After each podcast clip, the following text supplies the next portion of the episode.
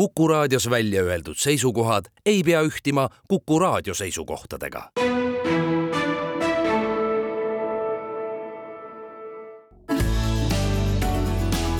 keskpäevatund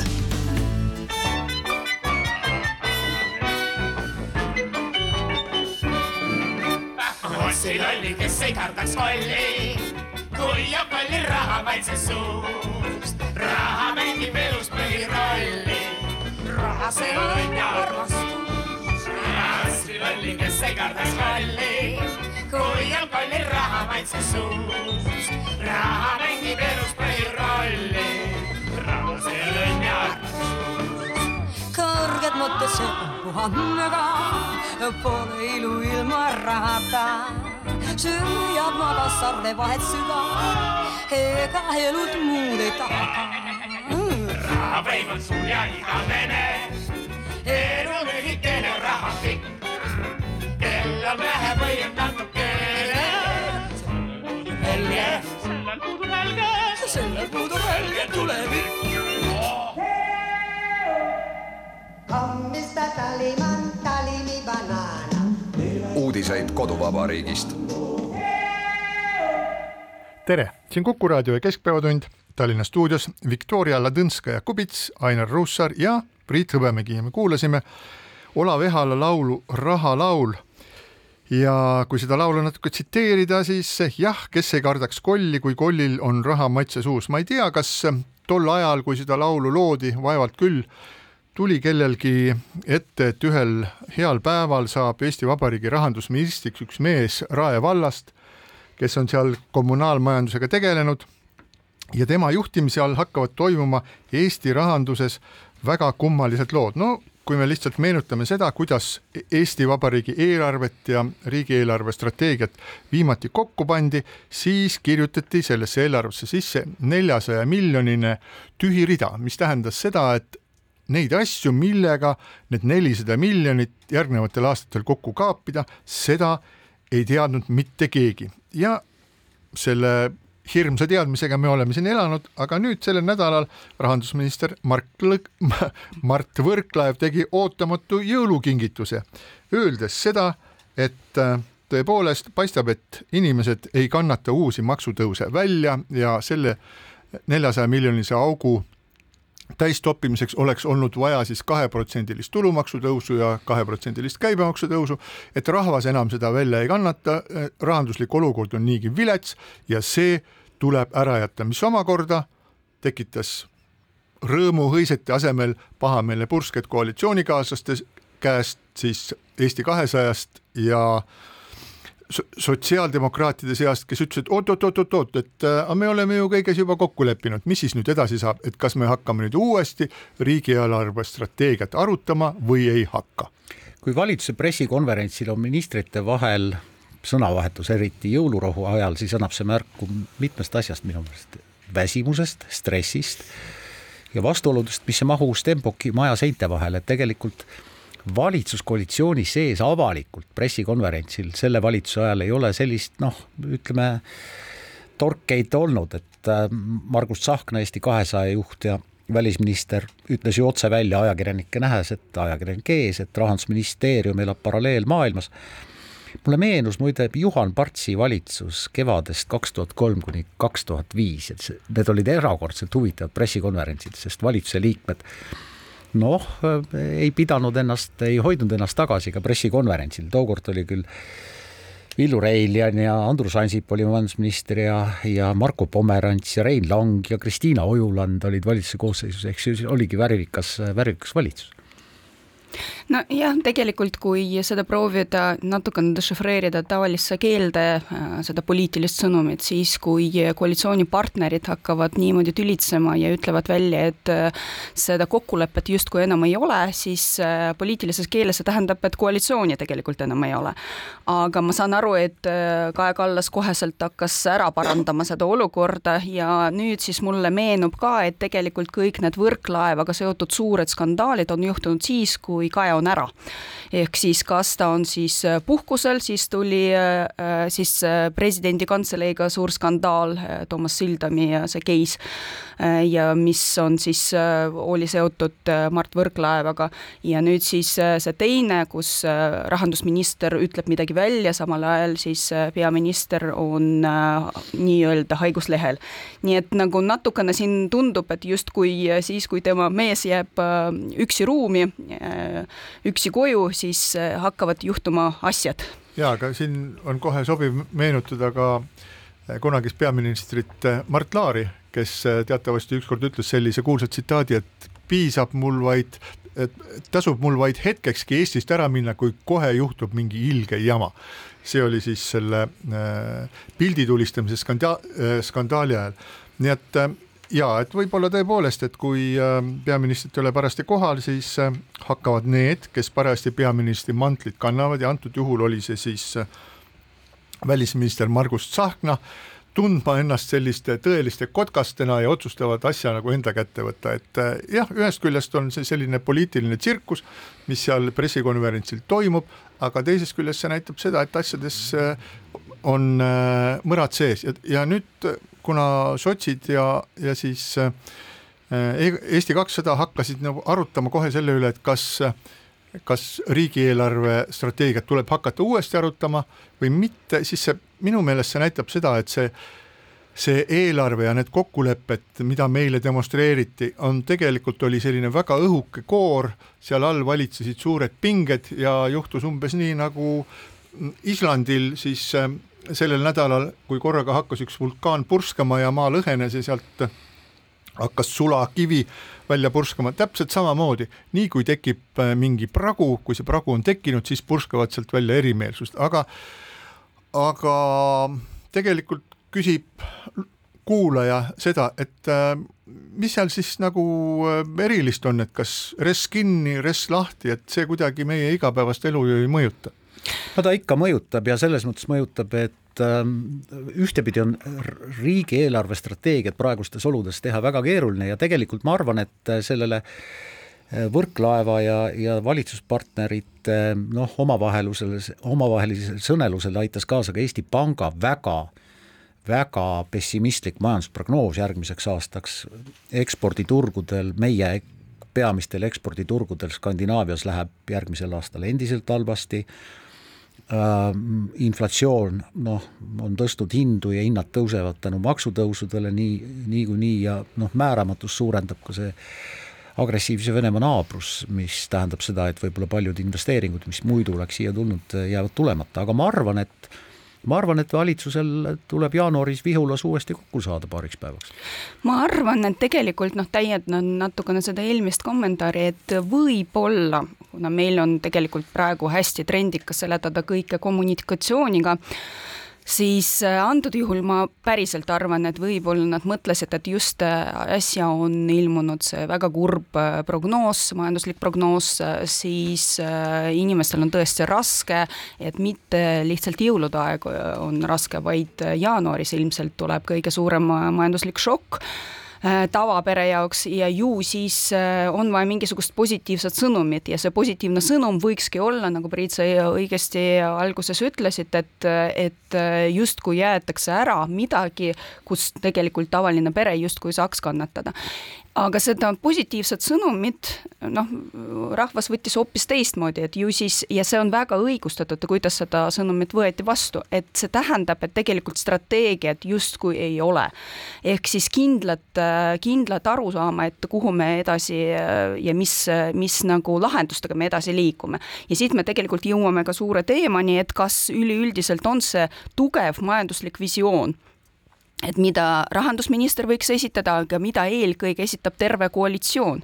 ehk siis kuhu nad paari aasta pärast tahavad jõuda ja mida lõppkokkuvõttes teha äh, sellega, äh, et mida majandusprognoos praegu näitab, et sinnasamasse potti läheb ka see äh, automaks näiteks, kus ei olnud selget visiooni, nüüd siis see viimane uudis, aga, aga no üldiselt miks nii palju kriitikat, nii palju kriitikat sellepärast, et tavaline inimene ei saa aru, et mis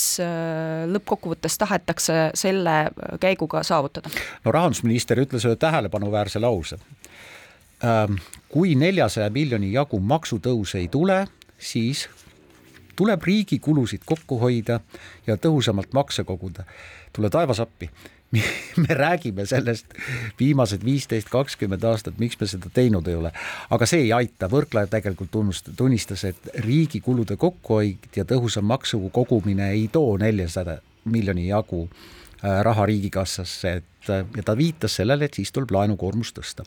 no ega ei ole ju tõsiselt tegeletud siis kulude kokkuhoiuga, et see, kui keegi ütleb, et kulusid on kokku hoid-, hoitud, et see on ju nalja tegemine. kui kevadel lubati kokku hoida vähemalt palju omavahel, siis koalitsioonis räägiti viiesajast miljonist, tegelikult öeldi välja viiskümmend ja lõpuks vist nelikümmend üks või nelikümmend kolm, sellest suudeti kuidagi kokku kraapida. Margus Tsahkna nimetas isegi ühte miljardit. no vot nii, aga tegelikult on ju sellise Eesti poliitikat jälginud inimestel ju väga elav kogemus sellisest äh, analoogilisest olukorrast äh, aastal, aastat, aast-, vahemikus kaks tuhat kaheksa, kaks tuhat kümme, kui oli suur majanduskriis, et kuidas siis eelarvet kärbiti, selleks oli spetsiaalne siis kärpekrokodillide kogu, kes äh, istusid ja raiusid riigieelarvet paremale ja vasakule ja, ja tegelikult, kui me seda aega nüüd meenutame, siis see oli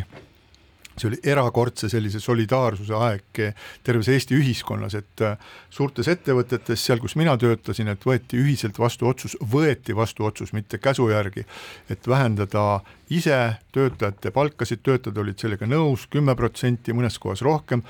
lubati pärast tagasi panna, no ma tean, et mõnes kohas pandi, mõnes kohas ei pandud ja öeldi, et see on nüüd uus null, aga tegelikult see, see solidaarsus oli väga suur, aga seda solidaarsust ei saanud tekkida, ei oleks saanud tekkida ilma selleta, kui ka, kui ka kui ka riigijuhid ja valitsus näitavad, nad on tõsiselt tegelevad selle kärpimisega. võrreldes tänase päevaga, see on nagu öö ja päev, ma ei tea, kumb neist oli öö, kumb on päev, aga igal juhul ei ole mitte mingisugust tõsist soovi kärpida riigi kulusid, ministeeriumite kulusid, sel nädalal me kuulsime, et üks ministeer-, üks, mitte isegi ministeerium, vaid üks amet maksab üle kuuesaja tuhande euro preemiaid oma töötajatele, ma tean, et kindlasti hakkab, hakkab äh, jälle see jutt, et jaa, et aga need on tulemustasud ja nii edasi, nii edasi, aga vabandage millal neid preemiaid maksti siis kuskil eraettevõtluses, mis asi on jõulupreemia, keegi enam midagi taolist ei mäleta, ma ei ütle, et see tingimata peaks olema, aga see tasakaal on läinud täiesti naeruväärseks, et samal ajal, kui kuskil tõmmatakse püksirihma koomale, samal ajal mõned ministeeriumid ja ametid lihtsalt miljonite kaupa äh, kulutavad raha selleks, et teha toredaid kingitusi. nojah, eelarves on ju raha aasta lõpus siin kindlasti poliitikud hakkaksid vaidlema, et äh, eelarves on erinevad read ja siit ei saa nagu võtta, sellepärast et see on hoopis teine kulu või hoopis teine tulu ja nii edasi, see jutt võib olla, võib minna väga spetsiifiliseks, aga ma meenutaks eelkõige seda, et juba kaks äh, poliitilist hooaega räägitakse võimalikust riigireformist, kus ettevõtjad võt-, võtsid end kokku, panid kirja, et mida, mida mida tegelikult on vaja teha selleks, et turgutada seda majandust. ja siis poliitikud alguses kirjutavad alla sellele paberile, nõustuvad selle riigireformi peamise mõistega ja siis tegelikult jätavad selle sahtlisse või teevad nägu, et justkui tegutsevad, eelmises koosseisus oligi just selline eelnõu, et millega justkui tuldi välja ja siis pärast tegelikult see jäigi äh, menetlusest välja, sellepärast et ei saanud sellest ei seadust ega ka mingisugust paberit, mis oleks nagu äh,, nagu tee tee äh, näitaja nii teistele kui ka iseendale. Ja sellepärast ma olen absoluutselt nõus, et äh, tavaline inimene vaatab ja saab aru, et kus kohas temal on nüüd kitsas, mis tema rahakotiga nagu toimub, aga ta ei saa aru, et kus kohas on need õiged poliitilised otsused, otsused, mis näitavad sedasama solidaarsust, mind näitavad, et kuskil veel kärbitakse. vastupidi, on olemas üsna mitu meie nii, kusjuures nii erakanalites kui ka ERR-is on ilmunud selliseid uudiseid, kus näidatakse kasvõi suuri summasid või siis väikseid, aga nad tavainimese jaoks ei ole üldse väikesed, kus nagu on pehmelt öeldes küsimärgiga see kulu. et kas siis turundusele läheb, kas siis mingisugust teavituskampaaniale, kas siis preemiatele või veel mingisuguse sellise kulu peale ja siis selge see, et siis tekib seesama lõhe väga ohtlik lõhe, arvestades seda, et meil ei ole ainult majanduslik kriis, vaid meil tegelikult on üsna keeruline julgeolekuolukord. jaa, absoluutselt, väga hea, Viktoria, et sa viitasid sellele ka kaks tuhat kaheksateist, kui meil oli majanduses suhteliselt head ajad, aga siis kakskümmend seitse ettevõtjat lõid selle sinu poolt viidatud riigireformi sihtasutuse headel aegadel kakskümmend seitse tuntud ettevõtjat lõid sihtasutuse, et ühiskonda kutsuda üles, parandame meie riiki, reformime teda kaasaegsemaks. muidugi on midagi, midagi toimunud ja tõepoolest väga palju teenuseid saab äh, nibin-nabin teha, teha äh, veebis ära võrreldes sellega, mis ta oli viis või kuus aastat tagasi. aga, aga kahju, et see riigireformi idee on ära vajunud, sest riik vajab reformi praegu minu meelest tunduvalt rohkem kui aastal kaks tuhat kaheksateist ma tahtsin veel rääkida sellest, et, tegelikult see nii ehk naa, see võrklaev ja kogu see praegune retoorika on seotud ka nii, niinimetatud poliitilise hierarhia küsimusega. et ma tegelikult selle nädala jooksul kirjutasin spetsiaalselt ühe artikli Postimehe jaoks ja siis seal oli ära kirjeldatud see poliitiline hierarhia ja selle nii-öelda printsiip ja selle võrdlus äh, eraettevõtlusega, tegelikult need printsiibid on hästi erinevad, et kui eraettevõte äh, eelkõige tahab enda kõrvale või oma meeskonda äh, kutsuda neid tugevaid inimesi selleks, et selle inimesega või selle inimese kaudu saavutada enamat, siis poliitiline süsteem kehtib tegelikult teistel reeglitel. ehk siis see sisemine konkurents on tappev ja sellepärast äh, kutsutakse enda juurde neid inimesi, kes võiksid olla väga teravad, aga võib-olla mitte nii teravad nagu mina ja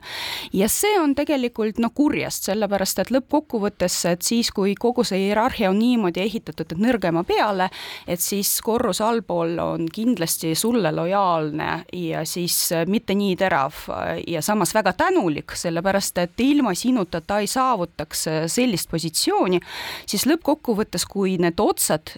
mis on üle üleval, mitu korda lõigatakse ära, kas nad sõidavad siis äh, Euroopasse, kas lähevad poliitikast ära või lähevad üldse süsteemist välja, siis lõppkokkuvõttes äh, tul-, tulebki siis äh, tublide nõunikute aeg ja siis nad on professionaalsed poliitikud, kindlasti nad säutsuvad nagu poliitikud, näevad välja nagu poliitikud, käituvad nagu poliitikud, aga mida neil ei ole, neil ei ole seda visiooni. ja mida me praegusel hetkel näi-, näeme, et ma spetsiaalselt oma artiklis tegelikult ei rääkinud konkreetsetest nimedest, ma ei tahtnud saanud nagu haiget teha või mis iganes, aga järgmisel päeval, kui see lugu ilmus, plahvatas Võrklaev ja ma mõtlesin, et noh, see on klassikaline näide tegelikult klassikaline näide, kus oli üks äh, hea oma kohal äh, poliitik ja siis äh, talle anti seda positsiooni, mis on küll küsitav, sellepärast et ka nende erakonna sees, sõltumata sellest, kas meeldib see erakond või ei meeldi see erakond, nende erakonna sees on tohutult palju selle valdkonna eksperte, kes olid võimelised seda koha täita. hea kuulaja, kes veel ei ole Viktoria lugu lugenud, ma väga soovitan seda Postimehe arvamuslugu lugeda ja mulle väga meeldis see, et Viktoria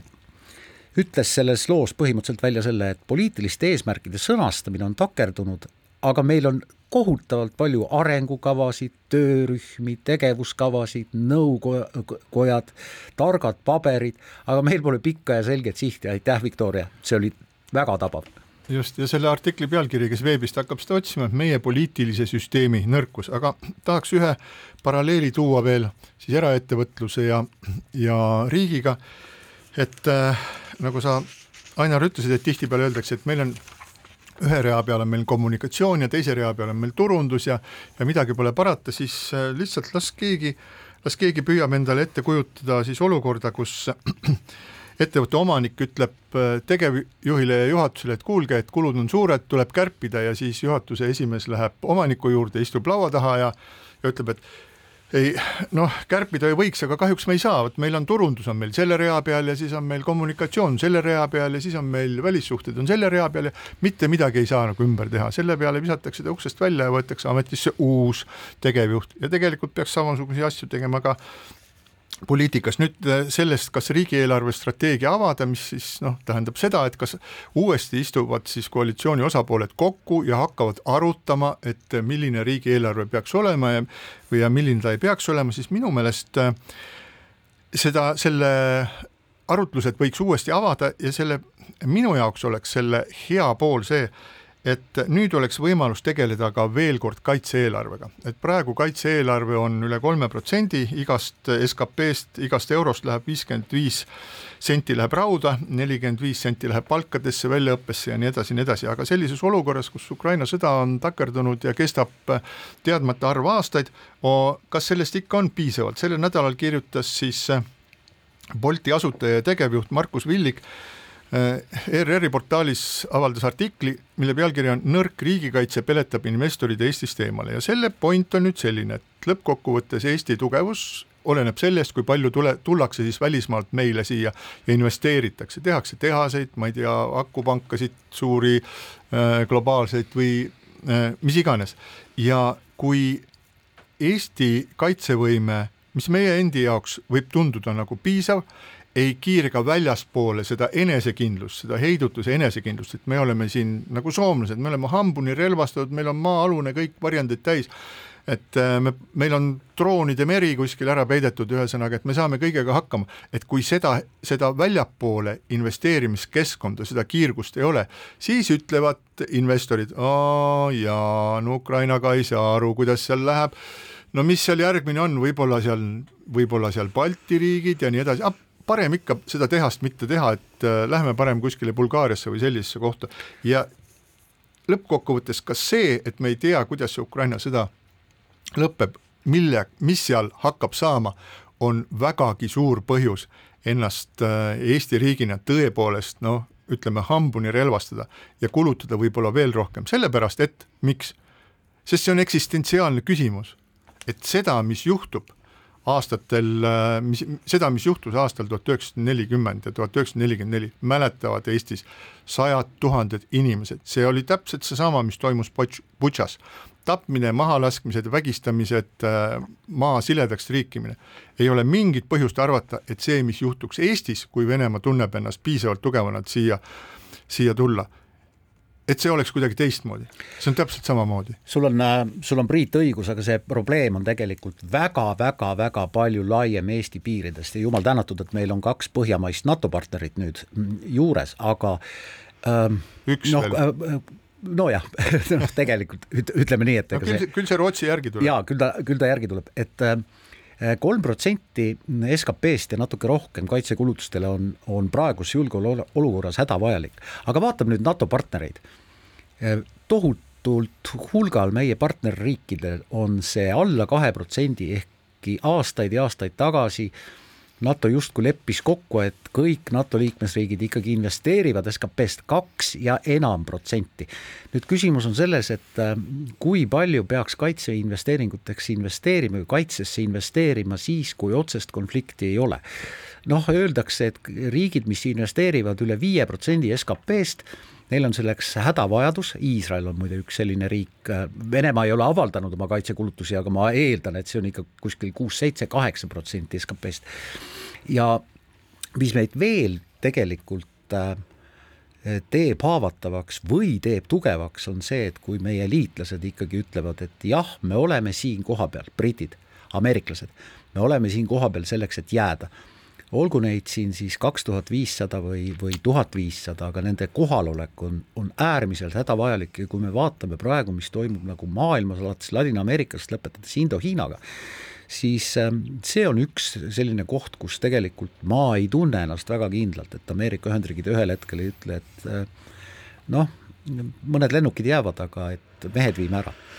noh, aga selle no, seoses selle jutuga mina pean tunnistama, tunnen väga suurt muret ja suurt muret, julgeolekumuret, mitte ainult sellepärast, et mis nagu reaalselt toimub, vaid ka sellepärast, et meie meediaruum on kuidagi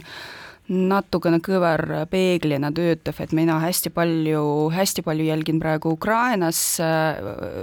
mitte lihtsalt toimuvat, vaid kuidas kajastatakse, millest seal räägitakse, millest nagu otseselt seal nagu diskuteeritakse praegusel hetkel. Ja mulle tundub, et see et see olukord ja meeleolu neil on tunduvalt äh, noh,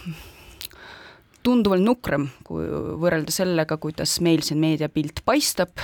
esiteks, ja teiseks, et siis, kui mina näen mingisuguseid uudiseid, mis ilmuvad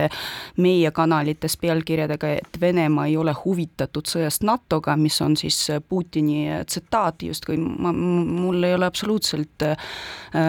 selget arusaama, miks seda uudist niimoodi presenteeritakse, sellepärast et kus tema sõna, kui ta ütleb jah, kus, kus, miks me otsustame, et see jah, tõepoolest vastab miks tõele? me peaksime uskuma ja. seda, mida Putin ütleb, kui midagi sellest ei saa uskuda, aga nüüd väike paus. keskpäevatund. keskpäevatund jätkab Tallinna stuudios Viktoria Ladõnskaja-Kubits, Ainar Ruussaar ja Priit Hõbemägi ja räägime natukene, räägime natukene meediast, sellepärast et teadlased on üsna palju uurinud,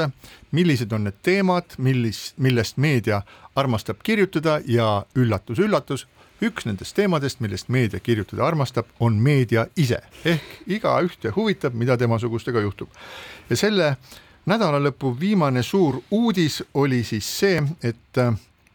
Eesti Televisiooni peatoimetaja Urmas Oru otsustas, et huumorisaate Kinoteatri õhtune vöönd, viimane saade eetrisse ei lähe ja see asendatakse saatega ja mis iganes, ühesõnaga. ja Urmas Oru ütles, et Kinoteatri õhtuse vööndi viimane osa ületab hea huumori ja satiiri piiri ning et see on Eesti Televisiooni eetri jaoks sobimatu. nüüd, kui me püüame seda lahti tõlkida, siis see tähendab seda, et seal kritiseeriti põhjalik, pikalt ja põhjalikult Hendrik Kalmeti monoloogis siis ERR-i juhtkonda, juhatuse esimeest Erik Rooset ja, ja paljusid äh, muid tegelasi, see minu informatsioon põhineb nüüd siis Delfis avaldatud selle saate tekst, äh, näitamata jäetud saate tekstil ja ma eeldan, et see oli siis täpne ja õige, et see ei olnud mingisugune fake seal lihtsalt. ja, ja muid siis ja, ja palju juttu oli seal veel sellest R2 ähm, reformidest Raadio kahe toimetustes. Ja niimoodi siis tegi peatoimetaja Oru tegi otsuse, et saadet eetrisse ei lasta, mis omakorda muidugi lõhkas täieliku pommi sotsiaalmeedias, kus äh, nii kinoteatri sõbrad äh, kui ajakirjandushuvilised, kui siis ka kõik muud tegelased hakkasid arutama, et kas Eesti Rahvusringhäälingus, avalik-õiguslikus ringhäälingus valitseb nüüd tsensuur või mitte? nojah, te Rahvusringhäälingu nõukogu endiste liikmetena teate väga hästi, et, et aeg-ajalt Rahvusringhääling läbi kogu oma olemasolu on ikkagi lõpetanud äh, ühtesid saateid ja alustanud teisi saateid, ehk siis saadete lõpetamine on alati kaasa toonud võib-olla mitte nii suure tähelepanu aga, aga alati on, on see, on see pälvinud äh, mingisugust tähelepanu, selles mõttes on hea, et Rahvusringhääling on väga avalikkuse tähelepanu ees, kuna kõik me tegelikult maksame selle, selle ringhäälingu eest nüüd ähm, võib-olla tõesti kommunikatiivselt oli, oli vale see väide, et sellepärast, et huumorisaates äh, kritiseeriti Rahvusringhäälingu juhtkonda, sellepärast jääb saade eetrisse panemata, see võib-olla tõesti kõlab natuke, ähm, natuke hämmastavalt või, või, või, või isegi imelikult aga see ei olnud nende kommunikatsioon esiteks ja teiseks, no me lähme ka selles samas lõksu, et seletada kõike kommunikatsiooniga, et nagu tegelikult ei, ma liiga ma ütlesin, et te, te sama hästi mäletate, et ka Rahvusringhäälingu nõukogu, kes tegelikult kontrollis eelkõige eelarvet, aeg-ajalt ikkagi arutles selle üle, kas mõni Aktuaalse Kaamera uudis oli, oli tasakaalus ja aeg-ajalt mm. arutles selle üle, et miks see saade lõpetas ja miks see saade alustas ja see on normaalne nähtus. Jah, et selles mõttes, et äh, me tõesti kõik, kes siin istume, olime seotud kunagi äh, siis ERR-iga ja see tähendab seda, et me teame ka seda, mis, mis seal päriselt äh, maja sees toimub ja kuidas ja mis viisil ja mis ja miks ja on ka selge, et tegelikult noh, et miks seda teised majad ka võtsid, sellepärast et tohutult äh, raske ja keeruline konkurents on majade vahel, erameedia ja siis ERR-i vahel ja erakanalite vahel ka, siis kui nemad midagi kajastavad või midagi ei kajasta, siis see kohe satub teise kanalisse, noh see, selles mõttes on see hästi loogiline ja absoluutselt äh, põhjendatud. teine asjaolu on see, et ERR on iseenesest väga keeruline keeruline organism, ikkagi ta on organism päriselt, et seal on ikkagi väga erinevad kanalid, mis on väga erinevate sihtgruppidega ja see tähendab, et selles organismis sees on a priori mingisugune konflikt olemas. pluss veel see, et see on ikkagi avalik-õiguslik ruum, see tähendab, et see on just see kanal, kellel on eraldi olemas seadus, et mille nimel üldse see eksisteerib. ja nüüd siis äh, siit me jõuamegi tegelikult äh, minu jaoks selle äh, konflikti tuumani, ehk siis nagu mis on selle konflikti põhjus, mitte ainult konkreetselt kinoteater, vaid ka enne seda Raadio kahe lugu, et siis kas selliste, selliste noh, ma ei nimetaks seda tsensuuriga, vaid otsustega, ütleme nii, kas sellise otsusega jõud jõutakse kuidagi paremini selle seaduse täitmiseni või ei jõuta. et minu arust, et kui sa julged juba kutsuda noori toimetusse, kui sa jõu-, äh, julged äh, kutsuda neid selleks, et nad teeksid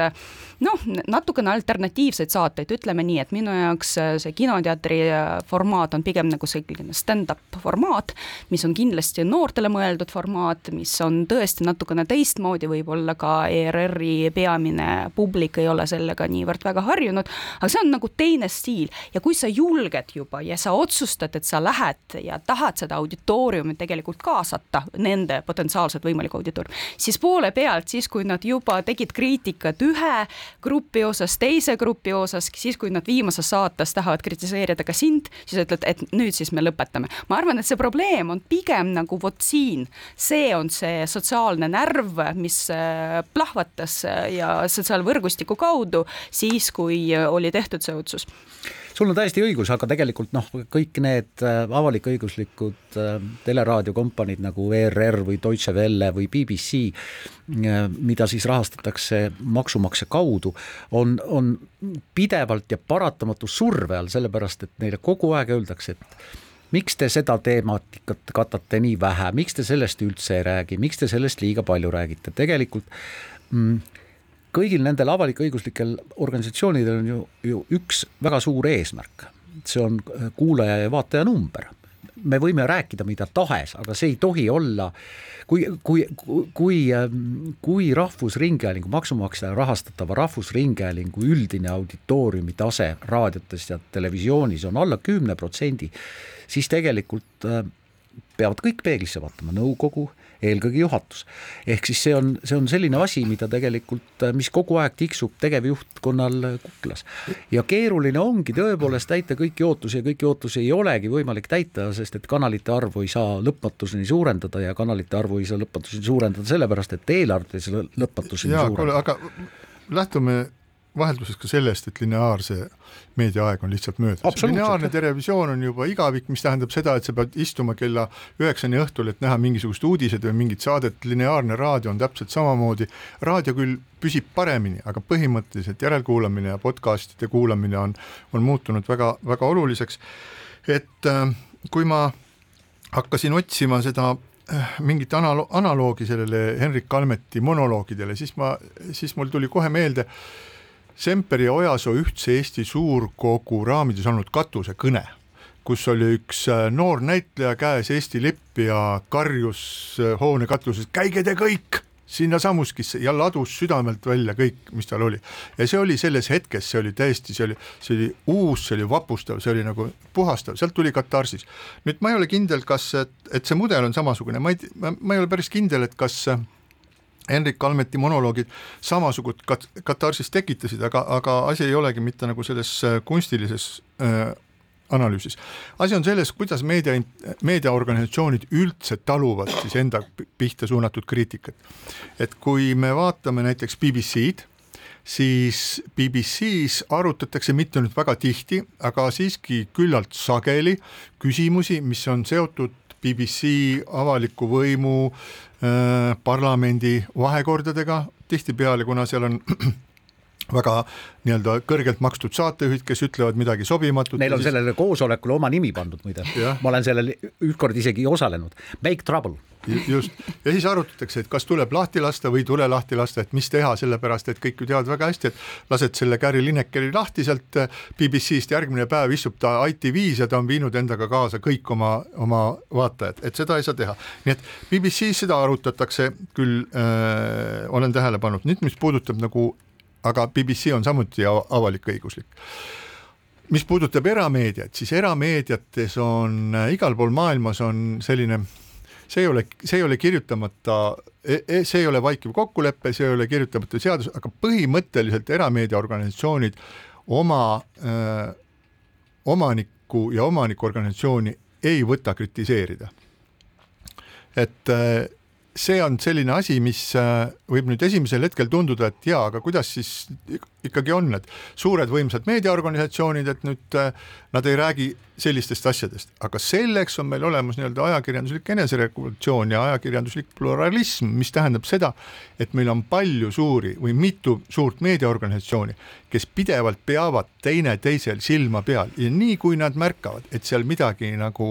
on imelikku, et seal on nii-öelda mingisugused ähm, omanike huvid hakkavad nagu pinnale ujuma, nii kohe lüüakse kella nii et selles mõttes on selles meie praeguses meediasüsteemis on selline üldine, üldine järelevalve meedia üle on täiesti olemas ja seda järelevalvet teeb meedia ise. nüüd, kas Urmas Oru oleks pidanud, ei oleks pidanud seda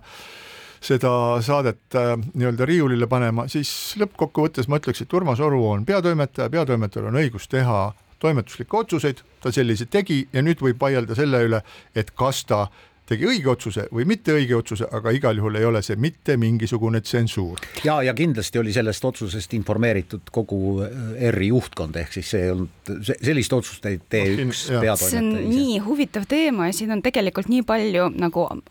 teemasid, mis võivad juurde tekkida, aga nagu vä-, kolm väikest repliiki. esimene repliik on seotud sellega, et äh, tõepoolest äh, ERR ja ERR-i töötajad on tunduvalt äh, paremas olukorras võrreldes erameediakanalite töötajatega. miks? sellepärast, et ikkagi erakanali töötaja sõltub igapäevasest reitingust, igapäevastest tulemustest ja lõppkokkuvõttes tema nagu selle maja nagu heaolu sõltub sellest, kuivõrd hästi müüb see toodang ERR-il on teine olukord ja tegelikult äh, see läheb saade, vaatame, et kas ta nagu, kas ta nagu müüb või ei müü, see ei ole niivõrd väga oluline, aga teisest küljest siin ma natukene pareerin siis sulle, Ainar, et nagu äh, ei ole nii oluline seal see reiting, sellepärast et noh, näiteks seesama Plektrum on suhteliselt väikese reitinguga, aga ta on nagu, ta on tegelikult kõige mõnusam saade, mis praegusel hetkel eetris, sellepärast et ta täidabki seda ERR-i seadust, ta näitabki seda kultuuri ja selle kvaliteeti. ma korra, korra viskan vahele, ma pidasin silmas üld üldist reitingut, mitte konkreetsete saadete et, reitingut. et selles mõttes, aga kus on sul, Priit, totaalne õigus, on see, et lõppkokkuvõttes, kuna meedia nii muutub, siis äh, ka ERR ja, ja teised meediakanalid tegelikult peavad mõtlema, et kuidas tehniliselt nad edaspidi seda arengut viivad selleks, et ühest küljest ERR peaks täitma oma seadust ja teisest, kas teisest küljest oleks kättesaadav oma auditooriumi, reaalselt kättesaadav. Aga nüüd väike paus keskpäevatund. keskpäevatund jätkub Tallinna Kuku stuudios Viktoria Ladõnskaja-Kubits, Ainar Ruussaar ja Priit Hõbemägi. räägime natukene nendest uudistest, mis võib-olla siin elavatele Ukraina inimestele, need, kes on Ukrainast meile saabunud, ei ole kõige meeldivamad ja ei paita nende kõrvu. nimelt soovitakse siis Ukrainas välja kuulutada uus mobilisatsioon, sõda on veninud pikale, tõenäoliselt läheb veel kaua, enne kui midagi selgeks saab selles asjas. Ja need väeüksused, mis on siis olnud Ukraina poolel rindel, on väga ära kulunud, nad on kaotanud kuni pool oma koosseisust ja uusi inimesi on hädasti vaja. ja nüüd siis äh, on äh, välisriikidele tehtud siis ka nagu selline üleskutse Ukraina poolt või esialgu mitte ametlikult, aga see on siis Ukraina kaitseministri poolt välja öeldud, et uue mobilisatsiooni alla võiksid käia ka need ukrainlased, kes on siis sõjajalust ära kolinud. Ja siis on mõeldud kahtlemata meeskodanikke, nüüd neid mm,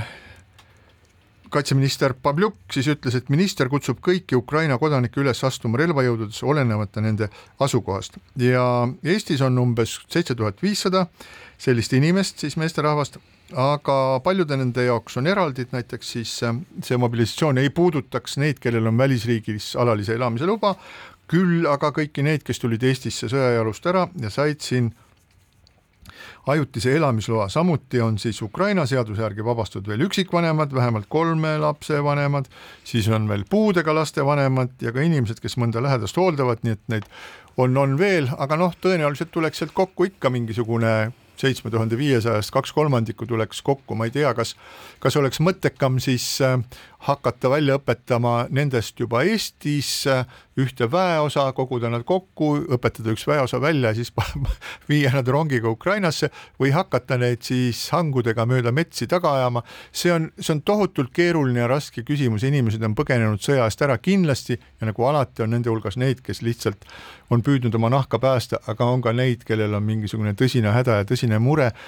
nii et äh, tundub praegu, et ehkki mingisuguseid riiklikke omavahelisi kokkuleppeid ei ole veel sõlmitud sel teemal, sellest tuleb üks erakordselt valuline ja pikk protsess. See on nii jah, aga noh,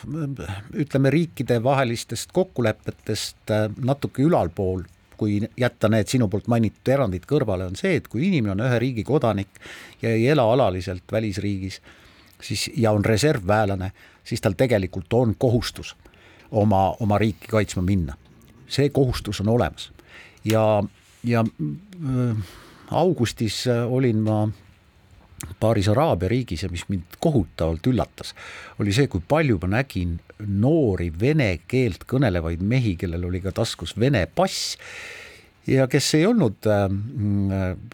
Putini armees, ehk siis ilmselt olid ka nemad omamoodi sõjapagenikud või sõja eest pagejad, jumal tänatud, oleks neid rohkem. aga Ukraina peab võitma, Ukraina peab selle sõja võitma ja me, see, kuidas meie seda, sellele kaasa aitame, äh, noh, on, on ka väga-väga-väga oluline, aga ma kordan üle selle, kui sa oled reservväelane ja sul on taskus selle riigi pass, mille kodanik sa oled ja mille reservväelane sa oled, siis on sul kohustus tegelikult oma kodumaa eest seista no kui kajastatakse seda teemat, siis minul tõesti äh, nagu päriselt südamevalu tekib, et ma nagu ei oska siin äh, selles mõttes äh, häid sõnu valida, sellepärast et see on inimlikult väga raske teema. aga äh, Äh, puhtpoliitiliselt mingisugust kommentaari anda, siis mina, kes ma aasta tagasi istusin parlamendis ja kuulasin ka võimalikke arutelusid ka sel teemal, siis toona seda, mida ütles välja tänane minister Läänemets,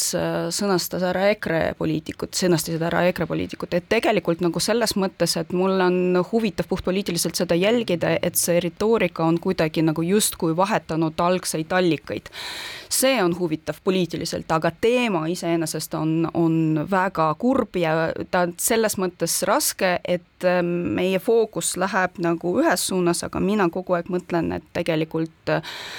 Ukraina nii või naa on ohver ja kõik need inimesed, kes on seotud Ukrainaga, on ohvrid ja on olemas agress-, agressor, et, et nagu eelkõige pööraks tähelepanu sinna, et need mehed, kes, kes seal peavad nagu midagi tegema, et see poliitiline režiim seal välja vahetaks, et eelkõige sinna sihida, aga ma olen, ma olen kahjuks, kahjuks me nagu, me, me nagu ka siin oleme suht seotud. ja ei, ma olen sinuga nõus, aga, aga võta nüüd Viktoria, võta nüüd neid mehi, kes on Ukrainas, kes saatsid oma perekonnad ära ja seisavad seal kaevikutes, relv käes või, või äh, tulistavad droone alla või juhivad droone. ja võta nüüd neid, kes on, ma kordan, kes on reservväelase staatuses selle riigi kodanikud, aga ei ole selles riigis kaevikus, siis noh, nende olukord on ju ebavõrdne. sa saadad oma lapsed ja naise, kui sul õnnestus pagulas, pagulusse Nad on põgeniku staatuses, aga mina olen seal kaevikus ja kaitsen oma riiki ja jumala pärast, et neil õnnestuks oma riiki kaitsta, et kaks tuhat kakskümmend viis tuleks pööre. selle olukorra kohta, mida sa just kirjeldasid, ütles äh, Postimehe,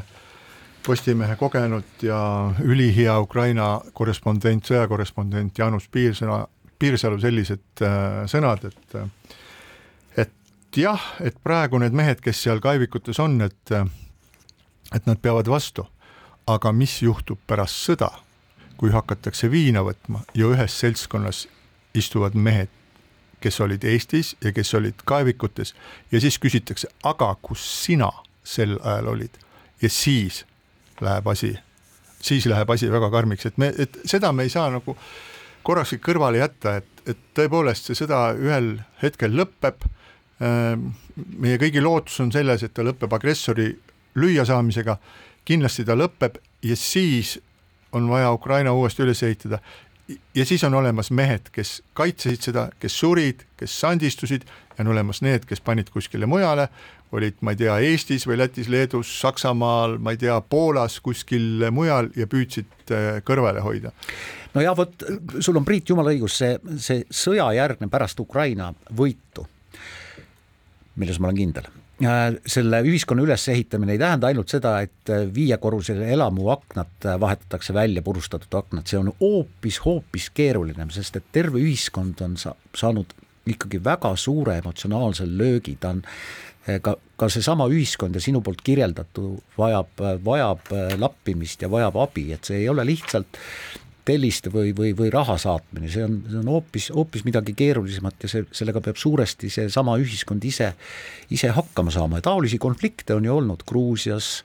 meeste vahel, kes, kes oma, omal ajal sõdisid ja kes oma, omal ajal püüdsid peitu minna kaks tuhat kaheksa, on olnud Tšetšeenias ja nii edasi.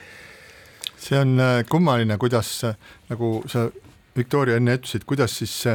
retoorika, selle teemaga seotud retoorika nagu liigub täiesti nagu erinevatelt pooltelt erinevatesse kohtadesse, näiteks on siis äh, sellel nädalal üks ähm, EKRE poliitik äh, saatis avaldamiseks ühe sellise teksti, mis jäi avaldamata, mis põhimõtteliselt ütles, et siin on seitse tuhat äh, ukrainlast, mida nad passivad siin, et saatke nad kõik sinna kaevikutesse võitlema, mis, mis oli selline, minu meelest see oli selline räige nagu ärakasutamine, see on lihtsalt nagu ratsutamine sellise suure õnnetuse turjal, niimoodi lihtsalt puhthumanistlikust vaatepunktist nii teha ei saa, jah, me peame selle üle arutama, aga mitte võtma selliseid sirgjoonelisi seisukohti. ja teine on see, et samal ajal siis äh, ilmusid äh, nädala lõpul Tallinna linnas seintele kirjutised, hohol na front, mitmes kohas politsei tegeleb nende asjadega, aga nüüd kujutate ette, et see, kes kirjutab sinna, et ukrainlane rindele, see on äh, tõenäoliselt kas ta on Putini pooldaja või tahab ta üldse ukrainlastest täielikult nagu vabaneda. Ja teisel poolel on siis nii-öelda äh, äh, nii-öelda paremäärmuslik Eesti poliitik, aga nad räägivad täpselt sama juttu, nad räägivad täpselt sama juttu ja see on nagu minu meelest on nagu äärmiselt kurb asjaolu. ja sellega me tänase saate lõpetame, ees on jõulud, soovime, et need oleksid teile rõõmsad, et te saaksite olla oma lähedastega, saaksite vaadata oma hinge ja valmistada ennast pühadeks. häid pühi! keskpäevatund